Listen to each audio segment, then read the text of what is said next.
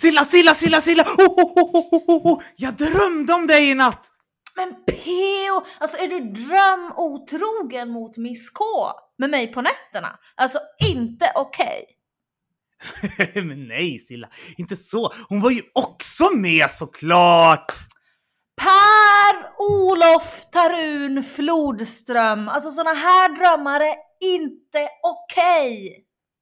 Men Silla din galning, inte så! Olof Brandt var också med ju! Alltså, nej, alltså nu börjar det verkligen gå för långt känner jag. Martin och Sofia var också där. Alltså om du inte passar dig så tar jag med dig till Olof Edsinger igen. Alternativt skickar jag hem dig till Tess så att hon kan visa dig sina senaste Black Friday-inköp. Hmm. I så fall får hon ta på sig sin dominatrix-dräkt. Annars var ju du ganska hot i din senaste jultröja. Lite lagom förförisk sådär. Du kanske skulle ta och prova att dejta i TV med din nya look Silla? Hot stuff! Men Peo, din dominatrix mupp! Alltså jag skickar iväg dig till en präst för bikt. Peo, bikt! Varmt välkomna till Kristna Datingpodden. En livsstilspodd om kärlek, relationer och sexualitet. Med mig, P.O. Flodström, och mina båda kollegor Silla Eriksson och Lars Gunther. Podden presenteras i samarbete med kristendate.se. Välkommen till veckans avsnitt! Och tack för senast Silla! Hur har läget varit sedan vi sågs i helgen? Eh, Jo tack, alltså jag mår bra. Alltså vet du vad Pio, det här är lite roligt. Alltså jag har precis fått ett sms från en person som utger sig för att vara Mr Grey. Oh, Mr Grey! Vad skriver han? Eh, Alltså han skriver bara så här kort typ så här Hej Silla, hur är det med dig? Eh, Med vänlig hälsning Mr Grey. Alltså man blir ju lite nyfiken. Jag kan just tro att du blir det. Men du eh, Silla, vad har du gjort mer än att eh, messa med Mr Grey på nätterna och gett pengar till Miljöpartiet? ja, nej men jag har lunchtränat här. Sen när jag kommer hem, käkat lite lunch. Uh, lilla julfesten i helgen förresten, alltså den var ju faktiskt supermysig måste jag säga. Alltså trots att vi inte blev så jättemånga. Men uh, jag bor ju väldigt litet just nu så det blir liksom på resten lite svårt så här att ha riktiga fester.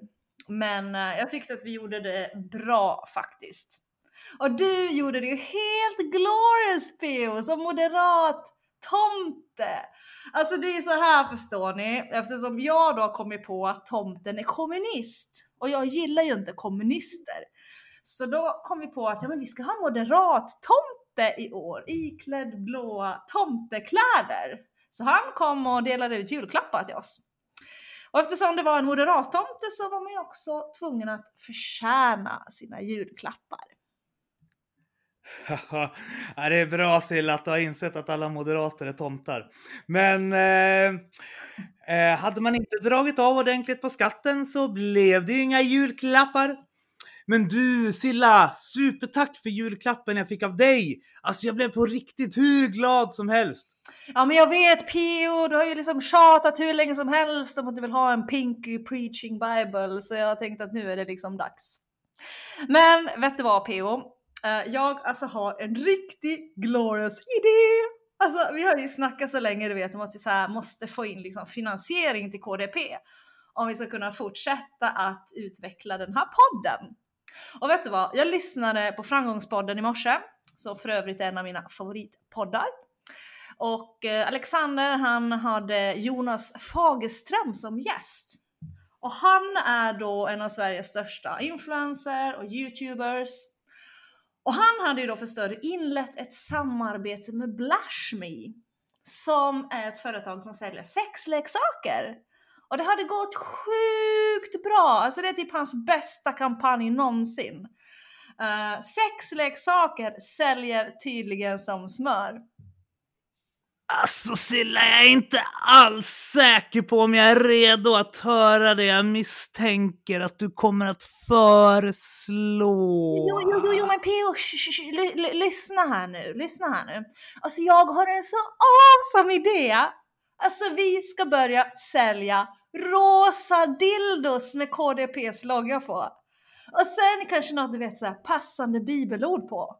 Och typ så här, the best is yet to come. Enjoy the moment. Glorious living, livet extra allt. alltså de flesta av våra lyssnare är ju dessutom singlar. Alltså jag tror på riktigt att det här kommer bli en sjukt bra kampanj.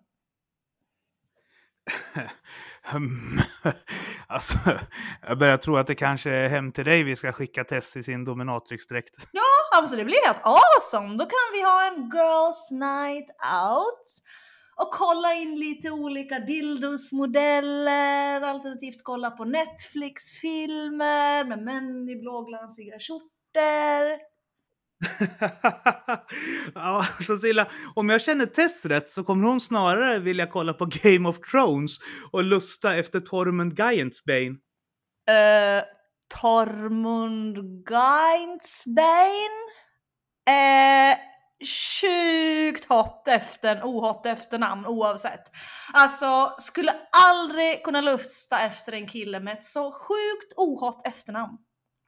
Men sure, Game of Thrones race med missnöjd. Jag köper lintkulor. Um, skulle jag ändå behöva ta reda på vad du egentligen menar när du kallar mig för fröken Daenerys hela tiden. Alltså hon låter ju mest som en vänstermuppinna när du beskriver henne and that's not me. Men Silla, hon är ascool! Vilket vänsterkvinnor brukar vara. Men framförallt så är hon en självständig powerkvinna med massor av skinn på näsan och dessutom så har hon tre stycken drakar. well, i så fall skulle hon nog lätt gilla min nya affärsidé. Alltså jag menar seriöst PO! Alltså mera dildos till frikyrkotjejerna. Alltså jag tror på riktigt att det hade varit hälsosamt.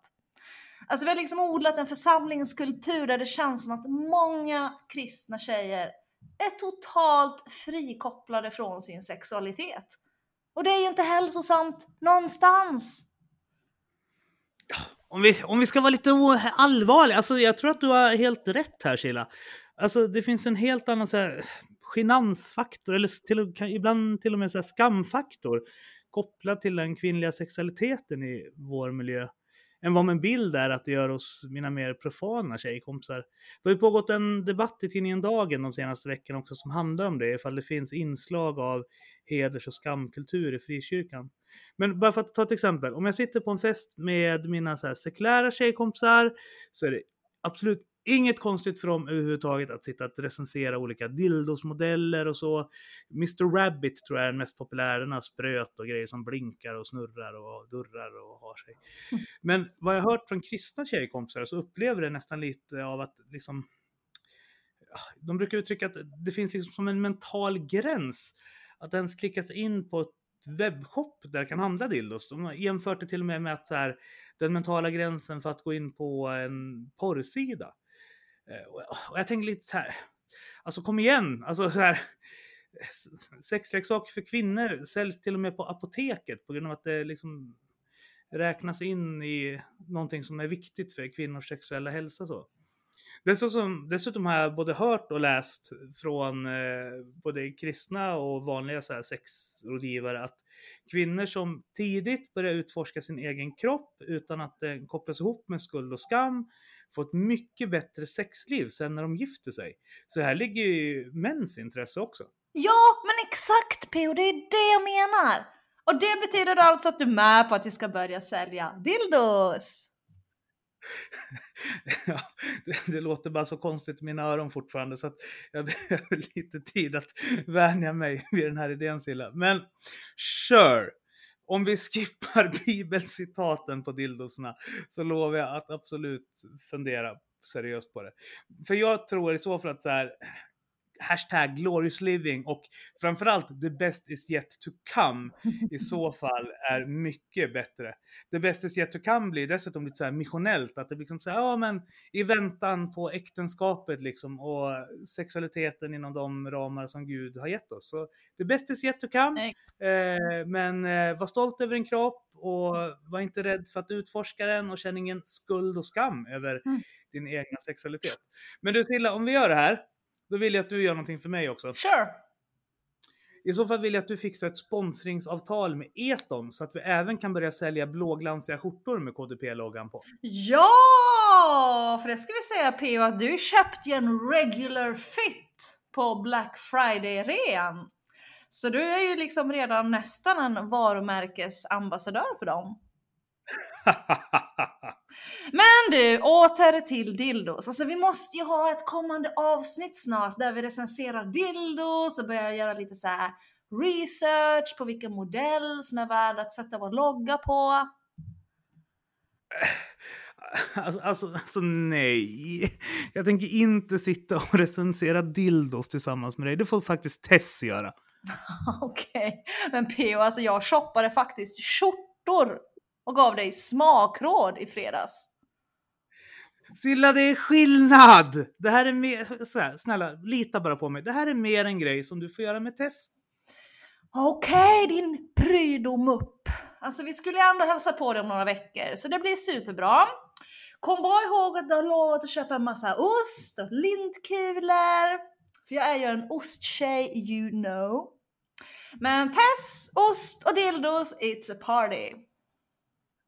Ja, nog för att du kan vara sjukt cheesy ibland. Men du Silla, eh, på tal om eh, rosa dildos. Temperaturen på dina voice messages under den här veckan har ju varit väldigt hög. Framförallt om du skickar till mig efter klockan 11 på kvällen. Är det något särskilt som du kanske vill berätta om? Eh, uh, woo, well, hmm. Okej, så här. Alltså jag har ju träffat en um, kille.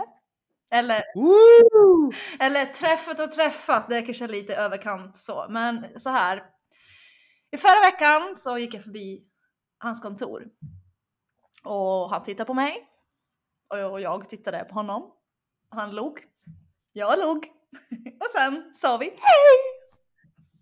Alltså jag höll på att smälta på. Alltså han är typ det finaste jag har sett i hela mitt liv. Och sen, och sen nu den här veckan så satt jag och käkade lunch. Och du vet, och så bara kommer han alltså gående förbi. Och jag, alltså jag trodde ju seriöst att jag skulle sätta lunchen i halsen. Och då började vi, han kom fram och så började vi snacka med varandra. Och alltså jag var så nervös och jag typ bara så här började stamma liksom. Jag glömde bort att jag hade mat i munnen och... Oh, shit alltså jag hoppas verkligen att han inte märkte det. Så nu är ju mitt dilemma här, alltså vad ska jag göra? Alltså nu, nu kan jag inte outa för mycket kring vem det här är. Eftersom jag inte vet exakt vilka som lyssnar på den här podden. Men jag har kollat upp honom lite grann och eh, seriöst, det här känns verkligen lite som en match made in heaven. Men vad roligt Silla! Men vilket samfund tillhör han?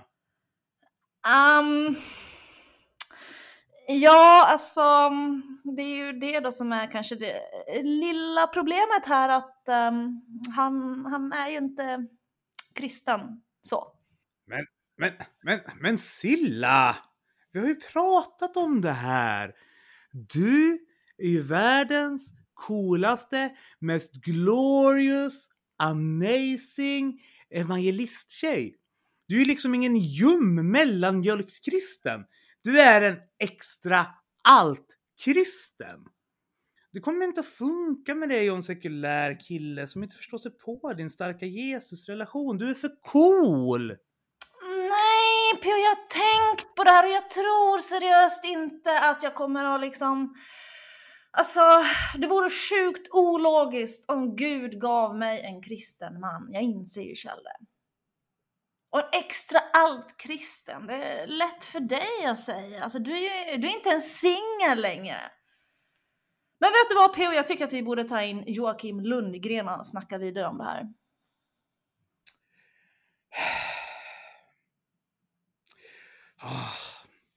Ja, ja.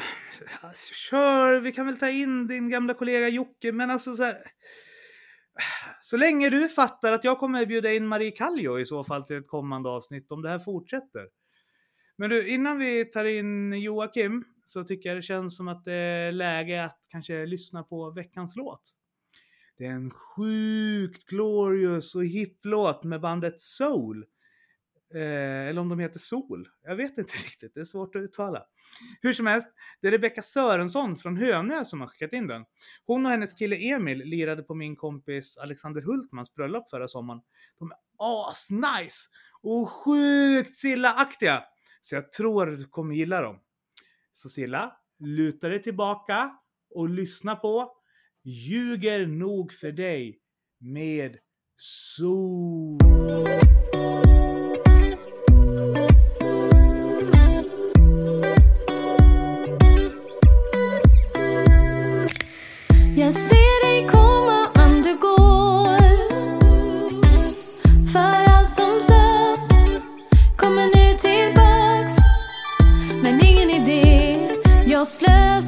into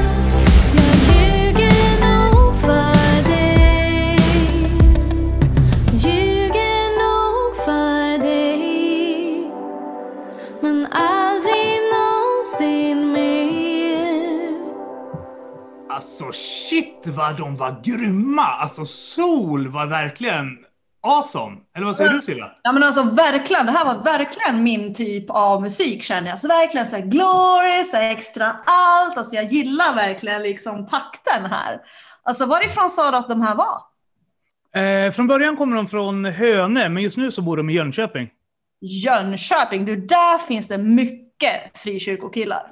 Ja, men det är ungefär som Örebro Silla. Kommer du inte ihåg att Martin och Remar sa till dig att åk till Örebro eller Jönköping, ta med dig två, tre killar därifrån, ta hem dem till Stockholm, dejta dem ett tag och sen så skickar du tillbaka de två du inte vill ha. Ja, Jönköping funkar lika bra. ja, fast nu är ju läget så att jag har bestämt mig för att slänga in handduken när det kommer till kristna män. Nu siktar jag på sekulära. Så därför så har jag idag bjudit in Joakim Lundberg till... Han heter Lundgren, min sköna böna. Det är alltså jag efternamn, det är helt hopplöst. Joakim Lundgren, välkommen till Kristna Datingpodden. Tack så jättemycket. Hur Ja. är det med dig då? Det är bra. Lite mörkt som det är i december ofta, men eh, jag mår bra annars. Härligt. Ja.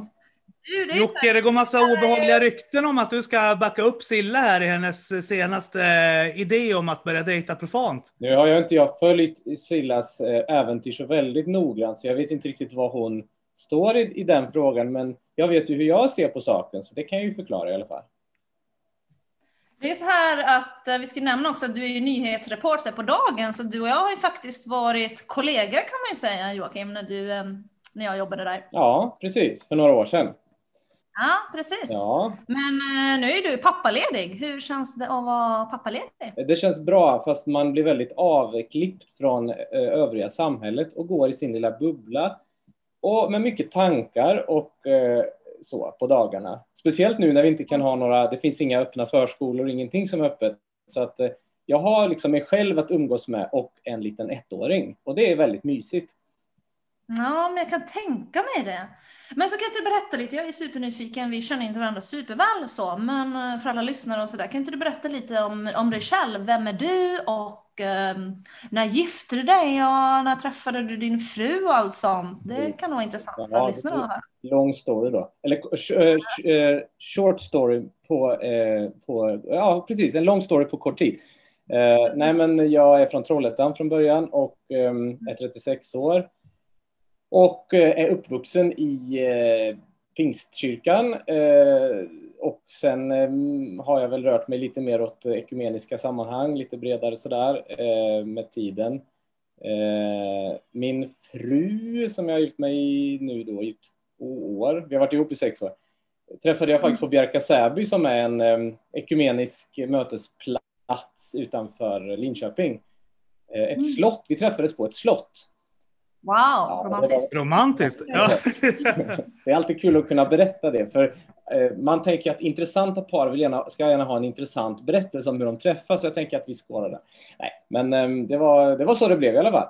Och, Mm. ehm, så, ehm, och, det, var, på mig var det väldigt, eh, nu är ju det i och för sig en, en, en mötesplats som, som har en, en, en kristen liksom, inramning, men den är väldigt, ehm, jag skulle säga att den är ganska vid. Eh, Och det kommer ju folk som, från helt andra traditioner som man aldrig skulle träffas, träffa annars.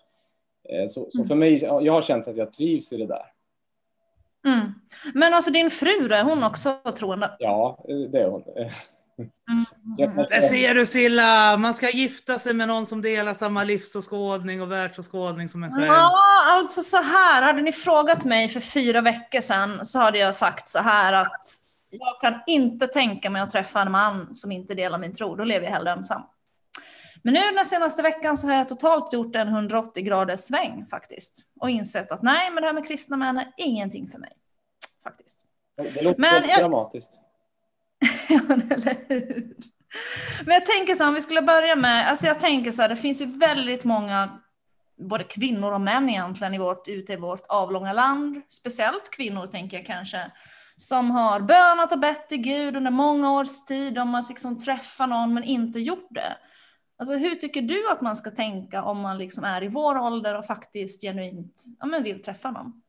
Alltså det är ju intressant att du ställer just den frågan i vår ålder, för att jag tror att det är lite annorlunda beroende på när man Mm. frågar den frågan. För jag tror att när man är väldigt ung så, så är det ju ofta naturligt att man möts i ett ganska eh, ja, men organiserat sammanhang. Det kanske är en ungdomsgrupp eller en idrottsrörelse eller någonting som, som, eh, som man ändå har gemensamt. Men sen går åren och då blir livet mer splittrat och man, man har mycket fler kontakter och, och- det blir olika arbetsplatser och sådär, kanske utbildningsplatser och sådär. Så att eh, jag tänker nog att, att eh, det viktigaste är ändå att man eh, att man på något sätt känner att man delar värderingar och respekt för varandras både historia och, eh, och livssyn. Man behöver inte dela livssynen, men man måste dela respekten för varandras livssyn. Mm. Det tror jag är grunden i att det ska kunna fungera. Så killar som Alltså, tänker sig att tänker- Gud är en skäggig kille med filt och stav går fet bort. jag, jag- förlåt, jag hörde inte vad du sa. Jag frågar ifall killar som tror att Gud är en skäggig farbror med kilt och stav går alltså fet bort. Ja, men alltså, jag tycker, om jag får eh, återknyta till det programmet som gjorde faktiskt att jag började skriva i era kommentarsfält, som gjorde att jag ändå eh, tänkte till lite kring det här, så, så, så var det ju så att eh, det jag såg där, det är alltid kul att se det i tv Silla, det piggar alltid upp och eh, det, det, det har jag saknat eftersom det var ett tag sedan sist. Men, men, eh, men då så, det jag tänkte när jag såg det programmet, det var att han, den killen, uppfattade jag som mer öppen än vad du var. Du hade väldigt tydlig, liksom, bestämd, du hade väldigt liksom, ja, tydlig inriktning vad, vad du ville ha. Och när du kände att han inte riktigt passade in på det, då var det som att då var kanske du inte så beredd att lyssna så mycket mer på hans erfarenheter och, och vad han hade. Det var, den, det var det intrycket jag fick av programmet. Mm. Sen ska man inte glömma bort, som alla sådana här program, att 90 procent av materialet är ju bortklippt. Och de hade ju vinklat det här väldigt, väldigt mycket kan jag säga, mot att jag skulle verkligen vara den här kyrktjejen som kommer med min rosa bibel i högsta hugg sådär. Um, och på ett sätt var det lite roligt att de frontade mig på det sättet. Men man ska samtidigt inte glömma bort att det var väldigt, väldigt mycket material som man inte fick se där också. Ja. Och jag har inga Men- problem med att du kände att det inte var en match, alltså att det var en missmatch. Det är ju ditt val förstås. Men jag tror att, Mm. som jag skrev någonstans, att jag tror att ibland kan vi som är troende har ibland kanske en bild av att vi har svar som inte andra har eh, och att vi inte har så mycket att lära av andra människors livserfarenheter som inte delar vår tro. Där tror jag att Mm. vi kan snäva av vår egen, eh, alltså vårt eget perspektiv alldeles för mycket. Mm. Och någonstans så tänker jag så här att om jag ser till mig själv i alla fall, jag menar man vill ju ha en person med ett fint hjärta och bra värderingar. Och framförallt också någon som verkligen på riktigt vill ha mig. Mm. Jag menar bara för att en person är kristen så är inte det någon garanti för att personen liksom har bra värderingar.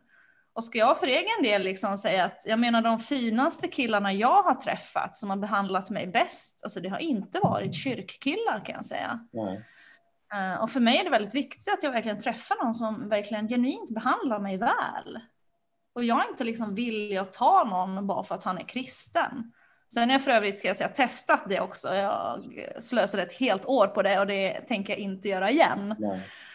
Där får man också liksom verkligen se till sig själv, men vad är viktigt för mig? Och jag håller, jag håller helt med dig Silla. Självklart ska du ha en glorious extra allt-kille som älskar dig precis så mycket som du förtjänar och som liksom skapar ett bra liv tillsammans med dig. Det som är mitt pastorala problem med hela konceptet att data cross culture är att dels är min egna empiriska erfarenhet att det inte slutar så bra. Och sen även ur ett teologiskt perspektiv så är det ingenting eh, Paulus eller Bibeln rekommenderar. Eh, och tanken framför allt är att en person som inte kan relatera till vårt kyrkoengagemang eller till vår Jesusrelation kommer att med tiden, när nyförälskelsen börjar gå över efter ett till två år, börja uppleva både kyrkan och Gud som någonting som konkurrerar om den kristna partnerns tid. Eh, och då riskerar den kristna i den här relationen att eh, blir någonting som kommer mellan personen och Gud snarare än någonting som drar en till Gud.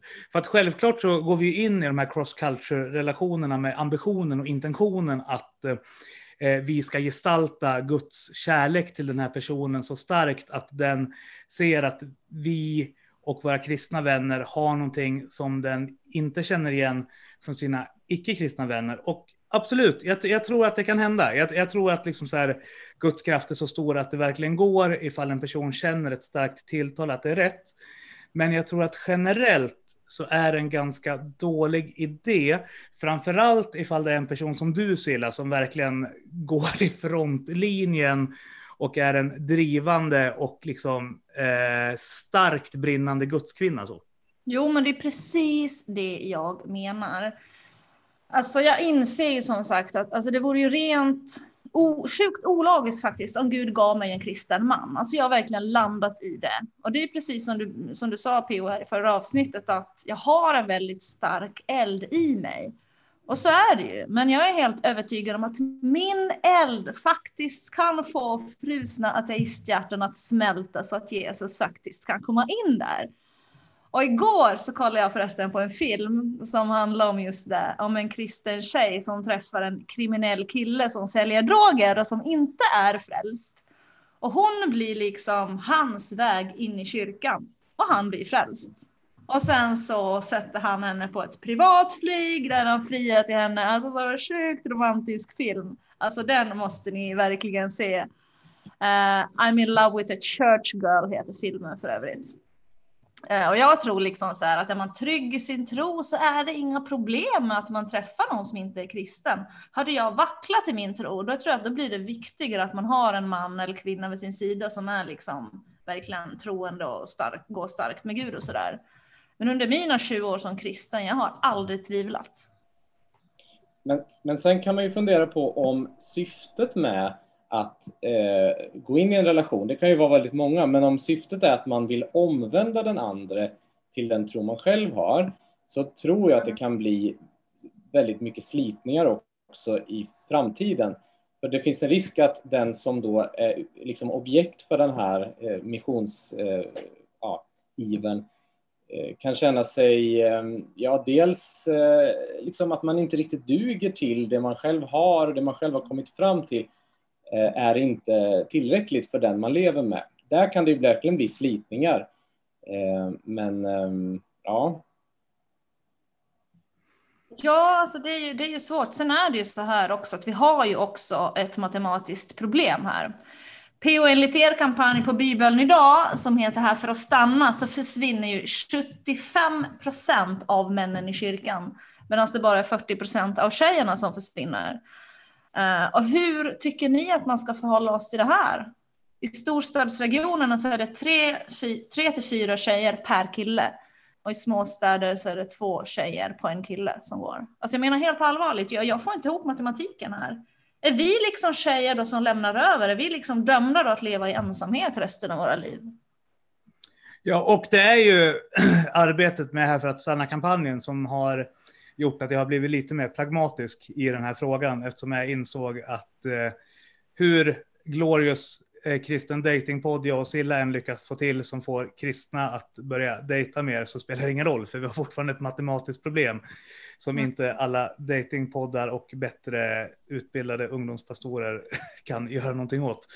Eh, på längre sikt så tror jag att vi kanske måste börja kolla på vad är det som gör att just killar lämnar eh, och hur kan vi liksom bidra till en församlingskultur där både tjejer och killar blir här för att stanna, men kanske killar eh, framförallt behöver andra sätt att vara församling på för att eh, uppleva eh, tron som levande och relevant. Men det är en mycket större diskussion än vad som ryms i eh, vårt format. Men absolut Silla, eh, jag, jag hör vad du säger eh, och Eh, jag ser absolut din poäng. Men så, som jag sagt tidigare, eh, det här låter kanske lite elitistiskt, men jag tänker mig att det finns eh, olika grader av att vara väckelsekristen. Och på den skalan, eller jag ska inte säga tyvärr, jag höll på att säga att jag tror tyvärr, utan jag tror det är så välsignat Silla att du tillhör kanske den övre kvantilen av engagerade. Eh, och att jag tror att det just därför för dig kan bli en extra stor utmaning. Och, och som jag sagt till dig tidigare, jag baserar det här på mina egna relationer och så. Att om den ena parten eh, vill vara väldigt engagerad i församlingen och väldigt engagerad i församlingsvärlden så uppstår det problem när den andra inte vill det. Problemet uppstår inte alls på samma sätt ifall båda eh, har lite mer, hur ska man säga, lite, lägre ambitionsnivå. Lite mer lågvåldskristendom, som man brukar säga. Vad sa du Joakim? Lite mer lågvåldskristendom. ja, mm. precis. Det tror jag också. Och jag har tänkt i, lite också inför det här att eh, vi ska komma ihåg att det här är ju inte någonting unikt för just vår eh, tradition, utan de här tankarna finns ju i många andra religioner också. Och vi skulle inte anses, trots att vi är väldigt insyltade i det här med, ja, i alla fall, jag var det en gång, men jag är inte så mycket nu, men, men låt oss säga att jag ändå relaterar till den världen. Eh, trots att vi är det så skulle vi inte duga till för en chassidisk familj, till exempel, alltså en, en ultraortodox judisk eh, kontext, eller en muslim som är väldigt, eh, liksom, eh, tar det på stort allvar, eller eh, katoliker heller. Så att i deras ögon så är vi lika, vad ska man säga, förtappade som vi ibland ser andra. Och, och det är det jag måste liksom trycka på någonstans, att vi, ehm, eh, vi gör samma sak som vi inte vill bli utsatta för av andra. Eh, det har fått öppna mina ögon lite grann. Mm. Verkligen. Och det där tänker jag också, det har ju också så mycket att göra med vilket sammanhang man kommer från, hur man, världsbilden man har och, och så vidare. Alltså jag är ju inte uppvuxen i kyrkan, så jag har ju en helt annan ingång än vad ni har som har vuxit upp i kyrkan. Och det är ju det också som jag tror att eh, gör det svårare för mig. Men Silla, jag blir lite nyfiken bara för att du har liksom gjort en 180 graders sväng från att vara väldigt, väldigt um, liksom, eh, att det måste vara en, en, speciell typ av man som kan liksom vara med mig i mitt engagemang och vara verkligen lika engagerad som jag, till att tänka att nu spelar det här ingen roll. Vad har hänt där? Jo, jag kan säga vad som har hänt, helt allvarligt. Jag har varit kristen i 20 år och jag, jag, jag tror ni, alla, ni åtminstone vet att jag är inte den typen av tjej som ligger på sofflocket och inte gör någonting. Jag tillhör den kategorin som faktiskt kan säga att jag har gjort allt. Jag har till och med dejtat i tv inför hela svenska folket. Jag har gjort events. Jag är ganska duktig på att bjuda ut killar. Jag har bjudit ut jättemånga killar i, i, i sommar bland annat. Jag har fått nej från allihopa. Problemet är ju inte, alltså det finns fina kristna män i kyrkan också, det gör det. Men problemet är att de, de tänder inte på mig helt enkelt. Eh, och då kan man ju fundera på varför de inte gör det.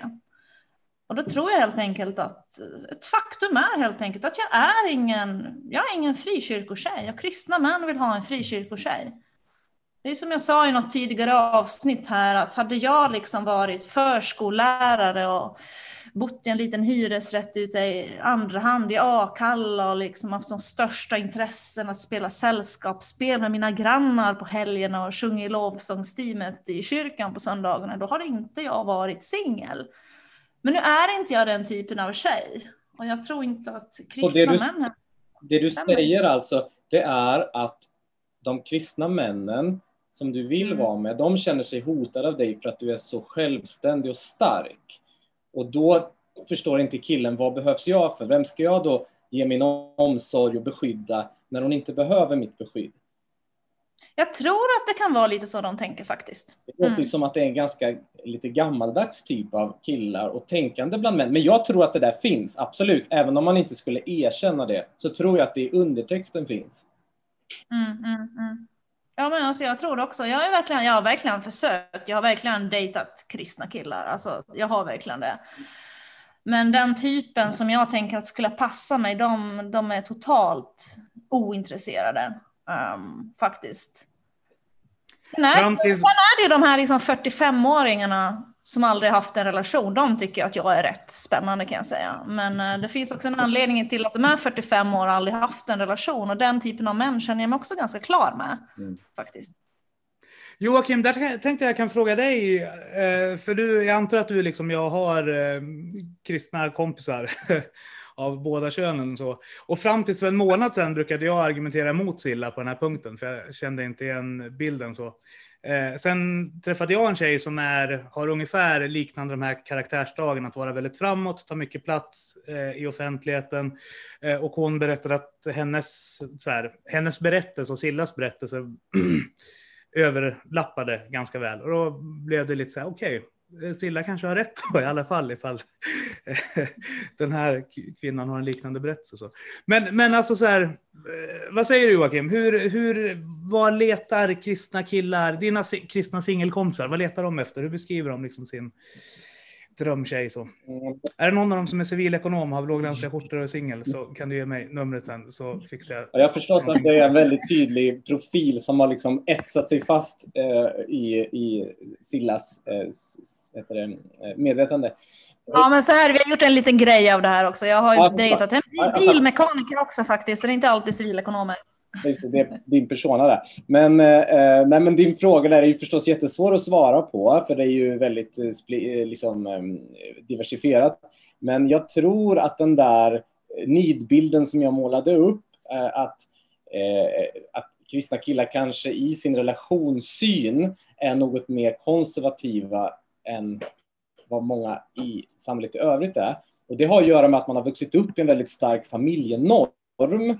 Man har sett ungefär hur det kan se ut och hur det ska se ut. Och man har också sett vilken typ av relationer som har lyfts fram och premierats. Och det gör att det undermedvetet så tror jag att många letar efter den här mjuka, omhändertagande, väldigt feminina kvinnan som egentligen inte utgör något hot mot någon sorts manlighet. Därför att många, som har, många killar som har vuxit upp i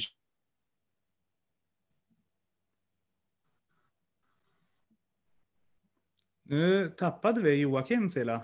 Eh, jag vet Mhm. inte riktigt vad som hände. Men det lät som att han var inne på spåret att många killar som är uppväxta inom frikyrkan har en viss eh, förväntan och norm kring hur de tänker sig att en kvinna ska vara så. Mm.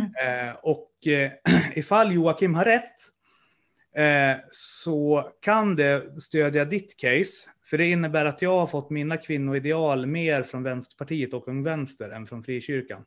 Vilket förklarar också varför jag inte kan alls identifiera mig med det du beskriver som eh, de kristna männens kvinnoideal. Helt enkelt för att jag i så fall inte har det. Utan att de ideal jag tar med mig in är eh, vänstermupparnas kvinnoideal helt enkelt. Precis. Nu för... Men då hade vi Joakim tillbaka. Du fick lite teknikstrul. Det är sånt som händer när man håller på med såna här fruktdatorer istället för riktiga datorer som jag har. Men Silla, du skulle säga någonting. Jo, men alltså, jag, jag håller ju verkligen med Joakim med det du säger. Alltså, det är ju på grund av de här idealen som jag har problem. För jag menar, jag är inte den här klassiska frikyrkotjejen. Jag kommer aldrig bli det. Liksom. Det är som att försöka liksom, trycka in en fyrkant i ett runt hål. Alltså det går inte. Och grejen är också att jag aldrig haft problem med killar innan. Alltså, jag, ki, alltså utanför kyrkan står ju killarna på kö. Och det är det också som gör att jag nu känner att men varför ska jag ens försöka i kyrkan? Jag har försökt, jag har verkligen tagit ifrån tårna. Och grejen är att utanför kyrkan behöver man inte ens ta i. Det är liksom bara, man bara, alltså det är bara liksom, man blir bara uppvaktad hela tiden. Det är så lätt där. Det där har jag och Jakob Andelius en hypotes om Silla. Eh, och för den delen Svante Ljunggren också. Om att det handlar om att utanför kyrkan Silla så handlar det om att ligga med varandra. Alltså det är en mycket, det är en mycket mindre, alltså det är en mycket det är kortare inte bara form av... det är inte så himla mycket ligga som du tror. Det finns som sagt bra män med bra värderingar utanför kyrkan. Tro Det finns bra män med bra värderingar som ligger. Alltså det, är väl, det har väl inte med saker att göra. Det var, det var en jättemärklig comeback. Nej, det tycker jag inte. För de, va, va, vilka kristna män är det som finns out on the market liksom, på riktigt? De flesta i vår ålder är upptagna. Och jag ska vara helt ärlig nu, jag vill inte liksom trampa någon på tårna när jag säger det här, men jag är 45 år i oskuld, det är liksom inte jättehett för mig som har haft relationer och dessutom inte uppvuxen i kyrkan. Sen hade jag varit, hade jag varit uppvuxen i kyrkan så hade jag nog förmodligen varit gift också. Så jag skulle vilja säga så här, ska jag ha en kristen man så är nästan kravet att han ska ha varit gift. Faktiskt. Men du, jag har några i bakfickan. Jag och min pastor Andreas eh, håller på och scoutar åt dig just nu nere i södra Sverige. Så vi har, vi har en liten scouting på gång åt dig. Just nu har vi två stycken prospects som vi kommer att eh, presentera så fort vi är uppe i tre. För vi vet ju att ni moderater inte klarar av att bara ha två stycken valmöjligheter utan ni måste minst ha tre. Det ska vara valfrihet in absurdum. Ja, nej, men alltså jag känner nog hellre så här att jag, sen är det så viktigt för mig att liksom träffa någon, jag kan omöjligt liksom tänka mig att leva själv. Så att jag har helt klart kommit till den punkten och att jag känner att jag gifter mig hellre med någon som inte är kristen än att jag ska leva själv. Så resonerar jag nu. Jag, jag tänker att det är en... Ehm, när jag resonerar lite med mig själv så kände jag att det är ju faktiskt någonting att eh, ta med lite grann till killar som är aktiva i frikyrkan i olika åldrar förstås. Att varför har man snävat in kvinnoidealen så strikt? Eh, och min tanke och idé om det är ju för att eh, eftersom man kanske inte är så bekant med sin egen styrka så skrämmer den andres styrka. Och ser man att den finns, då vet man inte vad man har för roll och då backar man. Mm. Eh, man tror inte man har någonting att ge där. Eh, men är det inte lite väl snävt sätt att se på omgivningen kan man ju tänka sig. Eh, Mm. Så, ja. Mm. Mm, mm. Ja, jag håller med. Jag vet inte vad jag ska säga. Det är absolut. Jag tycker vi har definitivt alldeles för tajta ramar och en viss liksom så här. Alla... För jag känner igen den berättelsen också från andra bekanta som jag haft liksom genom mitt liv. Mm. Som har just uttryckt exakt det där att jag är för stark. Det är ingen kille som behöver mig och som vill ha mig på grund av det. Fast sen har jag, vad, mm. vad ska man svara då? sen har jag ändå liksom, jag har verkligen lagt ner den här liksom stoltheten och jag inser att jag är inte så himla stark. Jag inser alltså på riktigt ändå att jag behöver en man som tar hand om mig. Det, Eller dina papper i alla fall. ja, både mig och mina papper. Just det.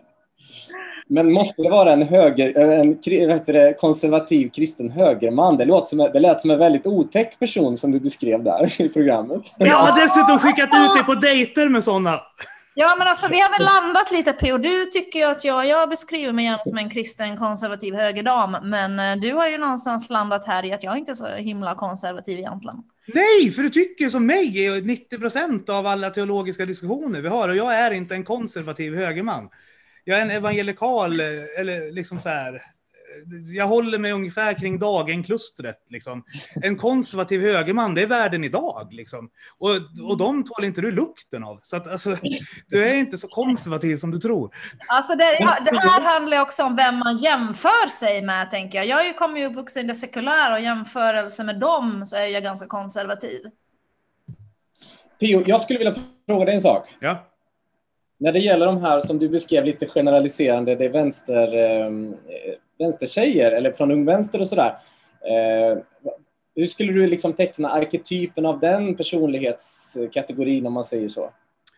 Arketypen. Alltså, för, alltså det är jättesvårt att se vattnet som man själv simmar i så.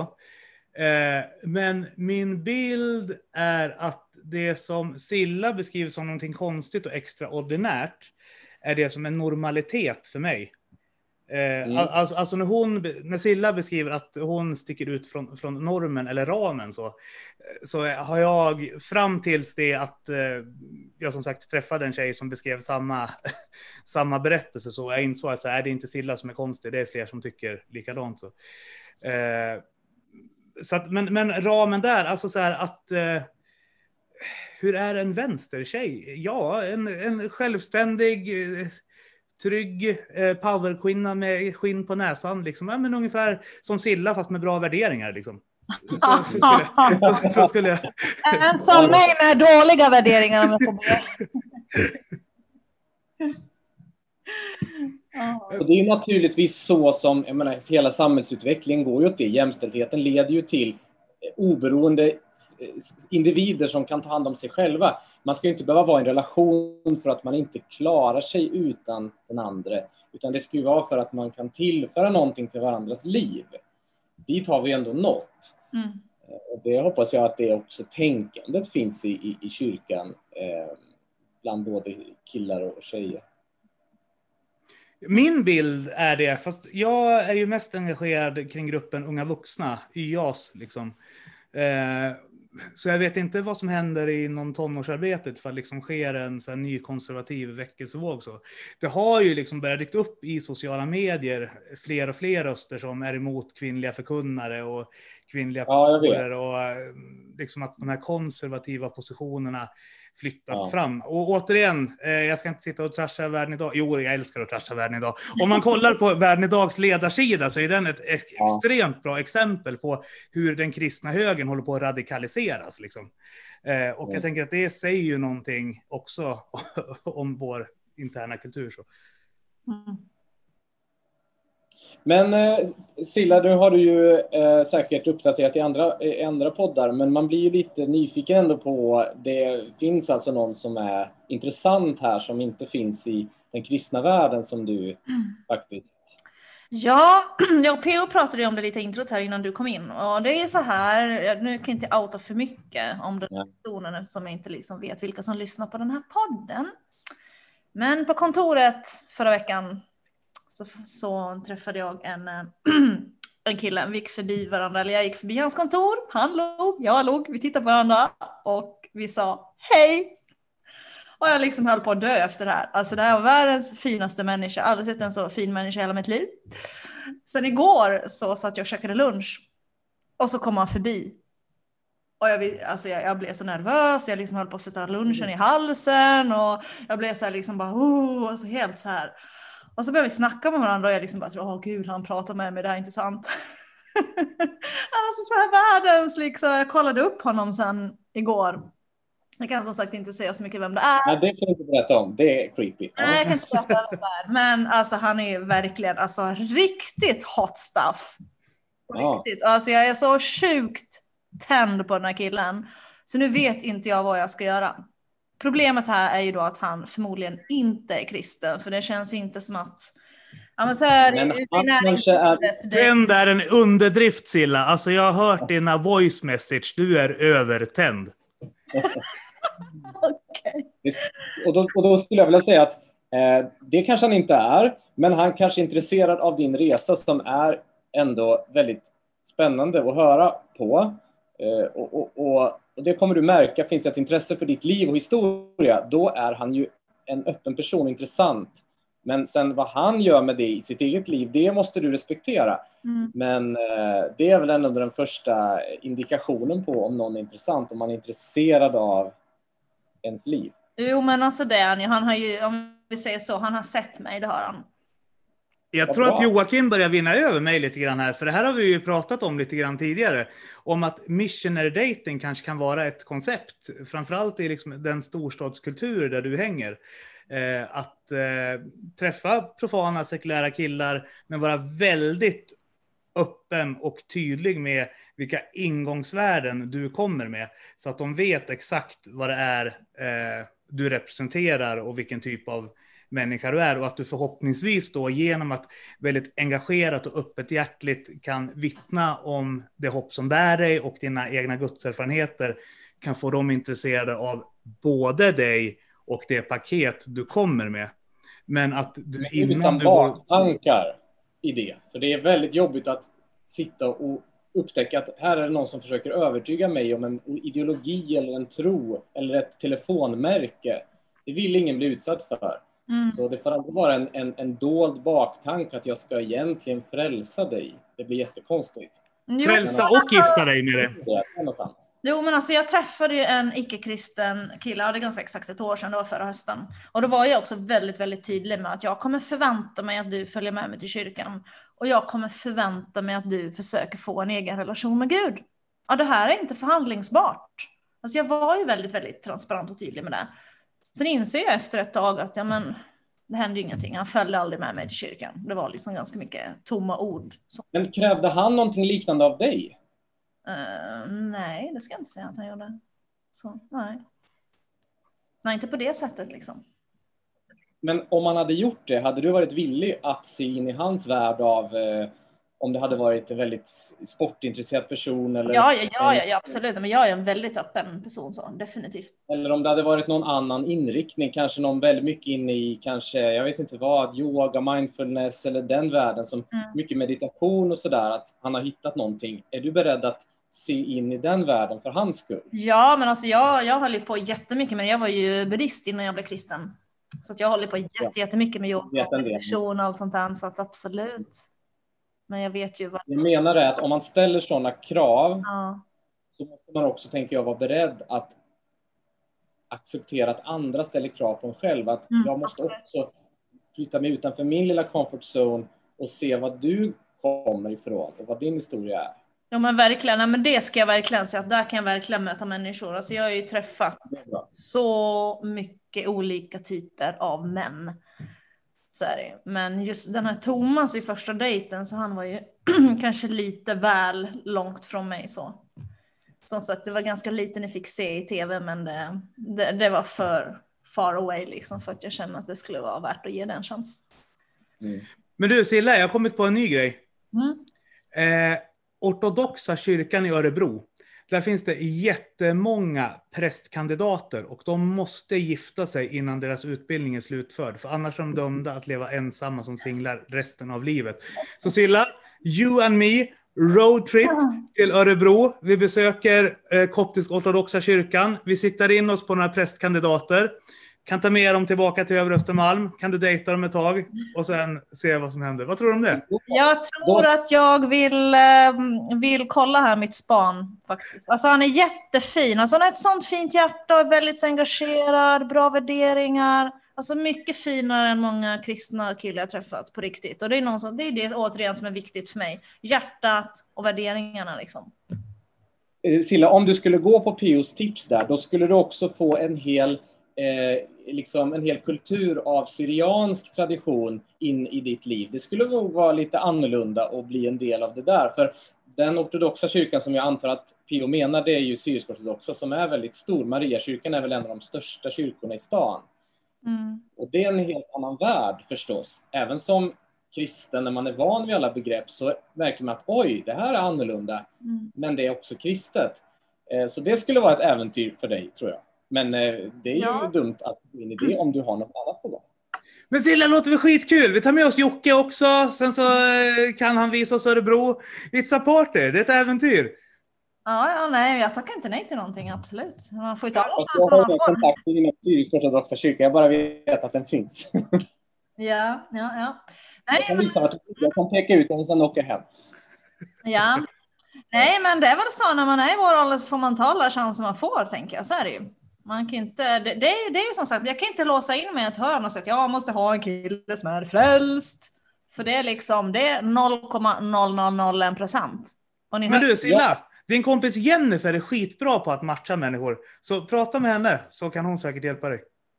Jag har en sista ehm, grej som jag tänkte på eh, innan jag måste gå och titta på Bonde söker fru som råkar sändas klockan åtta. Jaså, du tittar på det? Mm. Ja, just det.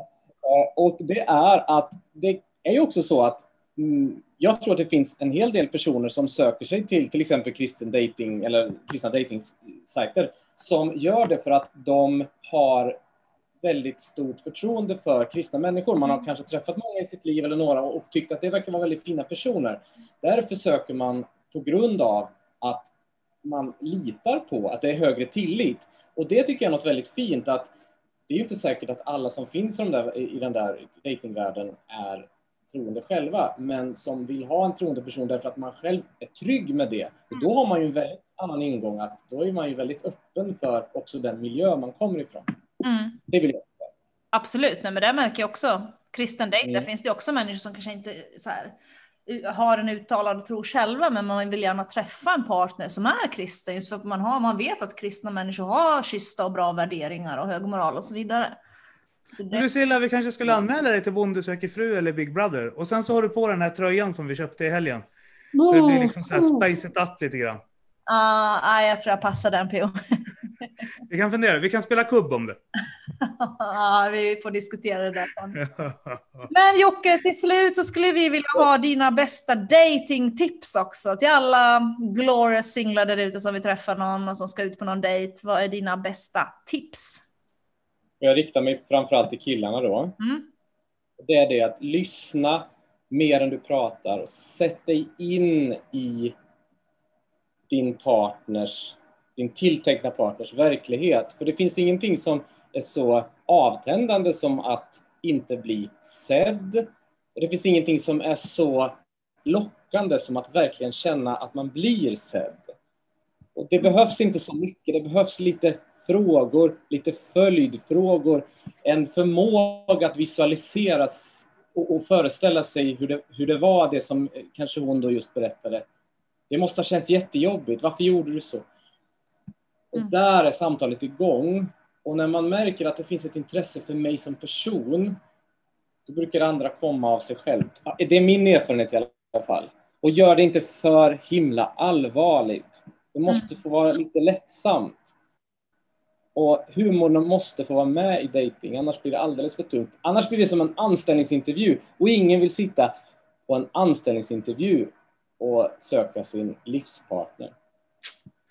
Nej, Stort tack för dina råd Joakim. Och det här tror jag man kan applicera både på tjejer och killar också. Ja. Att det är alltid viktigt att lyssna mer än vad man pratar. Ja. Det brukar säga tjejers problem, för de ställer så mycket frågor och killarna sitter och pratar på och pladdrar på om sitt liv och tycker det var jättekul. Men så kommer de hem och inser att jag fick inte reda så mycket om henne. Precis. Nej men Mm. jätteviktigt, det tar vi absolut med oss. Stort tack Jocke för att du ville vara med och diskutera de här viktiga sakerna med oss. Tack! Kul att vara med. Ja, och vi brukar ju av, avsluta varje avsnitt med att önska lyssnarna en puss och kram. Så vi tänker, du kanske vill vara med på den Jocke? Eh, Ja, det kan jag vara. Ja, så då kör vi. Från oss alla till er alla. En stor puss och kram! Hjärtligt tack för att ni har lyssnat på Kristna Datingpodden. En livsstilspodd med Theo Flodström, Cela Eriksson och Lars Gunther. I samarbete med kristendate.se